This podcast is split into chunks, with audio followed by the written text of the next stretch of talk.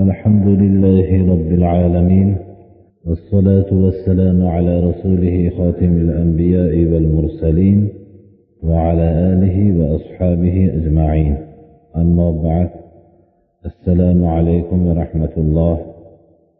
عن عقبة بن عامر أنه جاء في ركب عشرة إلى رسول الله صلى الله عليه وسلم فبايع تسعة وأمسك عن رجل منهم فقالوا ما شأنه؟ فقال إن في عضده تميمة. فقطع الرجل التميمة فبايعه رسول الله صلى الله عليه وسلم ثم قال من علق فقد أشرك. إسلام دين shirk bilan shu darajada qattiq kurashdiki agar janobi rasululloh sollallohu alayhi vasallamning yigirma uch yil payg'ambar bo'lgan vaqtlaridagi kurash hammasi shirk bilan kurashni o'z ichiga oladi aksar vaqtlari desak xato qilmagan bo'lamiz. Shu vaqtda nozil bo'lgan oyatlar rasululloh sollallohu alayhi vasallam tarafidan berilingan yo'llanmalar hammasi shu shirk bilan bo'lgan kurashni o'z ichiga oladi. Payg'ambarimiz sollallohu alayhi vasallam payg'ambar bo'lib kelganlarida ko'p takrorladik aksar xalqlarning ko'pchiligi bu ollohni inkor qilmasdi. Ollohni inkor qiladigan toifalar juda ozchilikni tashkil qilardi ollohni inkor qiladigan dinsiz keyingi davrda paydo bo'ldi. Kurashlarining ko'pchilik davrini shu shirk bilan kurashdilar. Mana bu hadis sharif ham shunga dalolat qiladi. Uqbat ibn omir roziyallohu anhudan rivoyat qilinadiki bu kishi o'nta jamoa bilan rasululloh sollallohu alayhi vasallamni huzuriga keldilar. Payg'ambarimiz sollallohu alayhi vasallam to'qqiz kishi bilan bay'at qildilar. Bir kishidan bay'at qilishlikdan qo'llarini tortib oldilar shunda buni nima aybi bor yo rasululloh bay'at qilmadik deb so'raganlarida aytdilarki inna fi abudihi tamimatan. Abud qo'lning yuqori qismini aytadi. Ya'ni muskul deb ifodalaymiz biz shu qismini aytadi. Qo'lida tamima tumor bor ekan dedilar. Bu kishi tumorni uzib tashladi. Rasululloh sollallohu alayhi vasallam keyin bay'at qildilar va aytdilarki kim shunday tumorni taqsa shirk keltiribdi dedilar. Ana bu hadis sharifdan bizga ma'lum bo'ladiki johiliyat davrlarida shu tumorlarga hech qanday bir ma'nosi yo'q bo'lgan so'zlarni yozishib tumor qilib osardi. Ko'p vaqtlarda sehr kufrga dalolat qiluvchi so'zlari ham qo'shilardi. Mana bu tumorni taqishlikni shirk dedilar. Ammo ollohni zikri bo'lgan bo'lsa va shu ollohni zikri bo'lgan narsalar bilan bir duo qilinsa buni ulamolar ba'zilari mustahab deyishibdilar ya'ni. Duo qilinib bu chunki ollohga duo bo'ladida ruqya shuni ollohni zikri bilan aytilingan duolar ruqya bo'ladida va ollohga iltijo bo'ladi bular. Unda bu davo yoyinki shu narsa saqlaydi degan narsa bo'lmaydi. Johiliyatdagi ruqyalar yozilingan duolarni ko'pchiligi sehr shirk shunday tilismot ma'nosi yo'q bo'lgan narsalarni qo'shib yozilinadi abdulloh ibn masuddan rivoyat qilinadiki bu kishi ayollarini shunday johiliyat ruqyalarini osishlikdan qaytargan ekanlar. Abdulloh ibn masud ayollarni oldiga kirganlarida bo'yinlarida bir narsa osig'liq turgan ekan. Uni tortib uzdilar. Va aytdilarki laqad asbaha alu abdillah ag'niyaa an yushriku billahi ma lam yunazzil bihi sultana ثم قال سمعت رسول الله صلى الله عليه وسلم يقول إن الرقى والتمائم والتولة شرك. قالوا يا أبا عبد الرحمن هذه الرقى والتمائم قد عرفناها فما التولة؟ قال شيء تصنعه النساء yatahabbabna ila azvajihinna abdulloh ibn mas'ud ayollarni bo'ynidagi osilgan tumorni uzib aytdilarki abdullohning oilasi ollohga shirk keltirishlikdan shirk keltirishlikka ehtiyoji qolmagan dedilar. Keyin aytdilarki rasululloh sollallohu alayhi vasallamdan eshitdimki ruqya ya'ni shunday sehr va boshqa narsalarni aralashtirilgan duolar bilan ruqya dam solish tamoim tumorlar osish va tivala shirk dedilar. Shunda so'rashdilarki ruqya bilan tamoim ya'ni tumorlarni tushunamizu tivala nima yo abu abdurahmon deganlarida aytdilarki tivala deb ayollar o'zlarining turmush o'rtoqlariga yaxshi ko'rinishlik uchun qiladigan ishlar dedilar. Bizni o'zbek tilida istma deb aytilinadi. Shu narsalar shirk dedilar. Buni payg'ambarimiz sollallohu alayhi vasallamdan rivoyat qildilar ba'zi vaqtlarda ba'zi kishilar bir narsani qilishib shuni qilsak tuzalib qolyapmizu degan narsani bahona qilishadilar. abdulloh ibn masuddan rivoyat qilinadiki ayollarini shunday johiliyat ruqya duoxonliklaridan man qilganlarida aytdilarki فإني خرجت يوما فأبصرني فلان فدمعت عيني إلى فدمعت عيني التي تليه أي أنه أصابها بعين حاسدة شريرة فإذا رقيتها سكنت دمعتها وإذا تركتها دمعت. فقال ابن مسعود لها ذلك الشيطان إذا أطعتيه تركك وإذا عصيتيه طعن بإصبعه في عينك. ولكن لو فعلت كما فعل رسول الله صلى الله عليه وسلم كان خيرا لك. وأجدر أن تشفى. تنضحين في عينك الماء وتقولين اذهب أذهب البأس رب الناس اشف أنت الشافي لا شفاء إلا شفاءك لا شفاء إلا شفاءك شفاء لا يغادر سقما عبد الله بن مسعود shunday johiliyat ruqyalaridan qaytarganlarida ayollari aytdilarki men bir kun ketayotganimda meni palonchi ko'rdi. Shundan beri ko'zim yoshlanadi.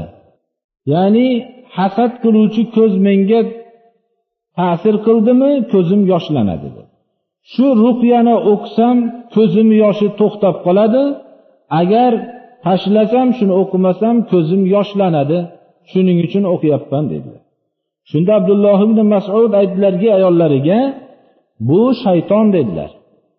Agar sen shaytonga itoat qilsang harokaki shaytonga itoat qilsang seni o'z holingga qo'yib qo'yadi. Agar shaytonga itoat qilmasang barmog'ini ko'zingga qo'yib yoshni oqizmay turadi dedi. Ya'ni shayton ko'zingni yoshini oqayotgan vaqtda shaytonga itoat qilganligi uchun xotirjam bo'lib turadi ko'zing oqadi. Endi shaytonga itoat qilmaganingda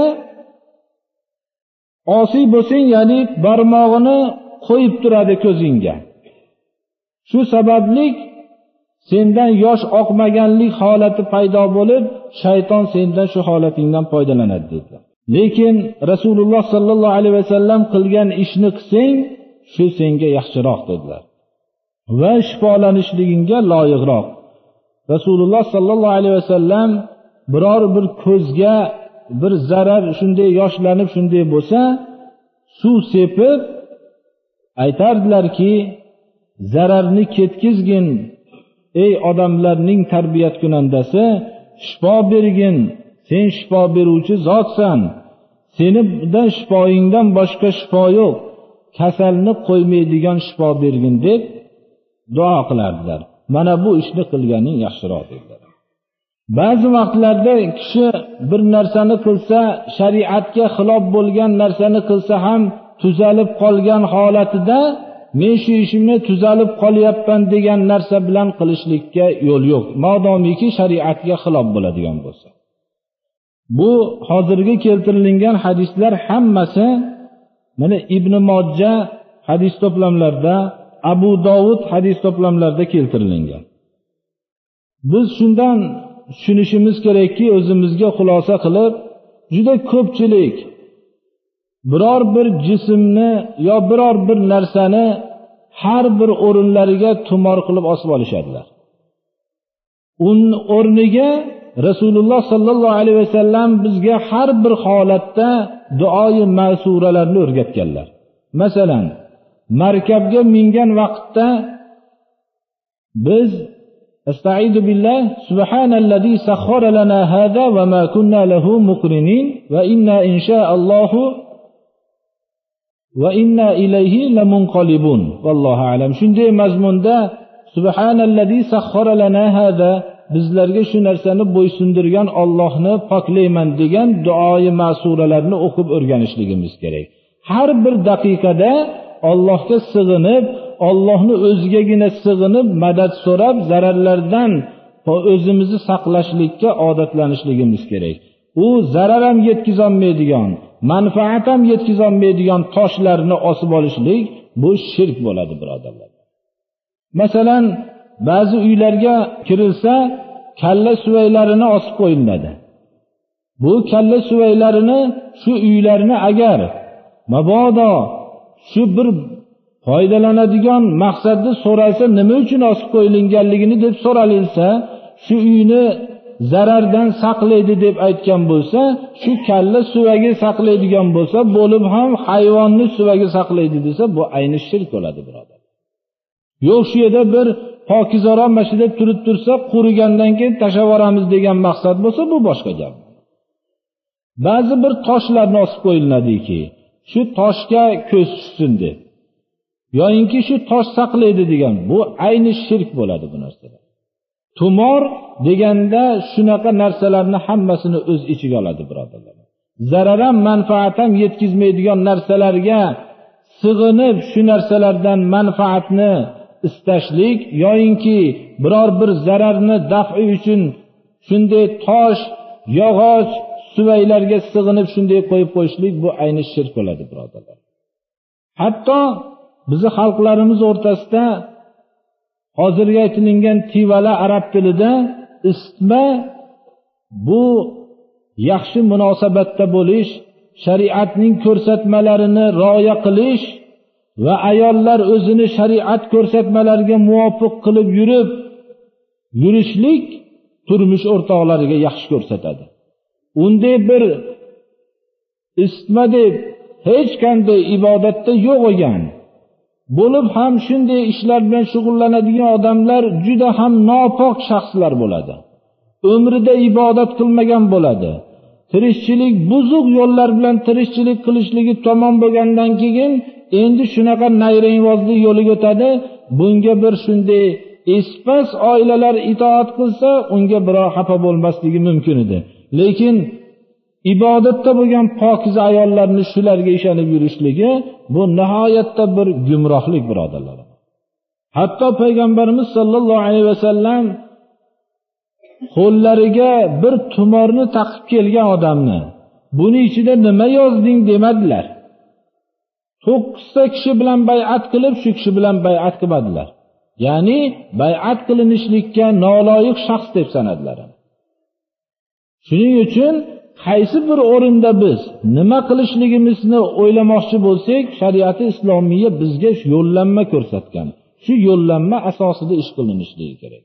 Markablarni mingan vaqtda ollohdan madad so'rab ko'chaga chiqqan vaqtda o'qilinadigan duolar bor bularni hammasini aytib berdik mana iqro bismi robbikallazi xaloq surasini tafsirida.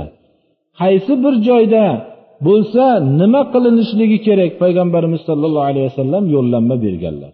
U har xil tagi puch bo'lgan narsalarga ishonib yurishlik bu islom dinidan bexabar bo'lgan odamlarni ishi.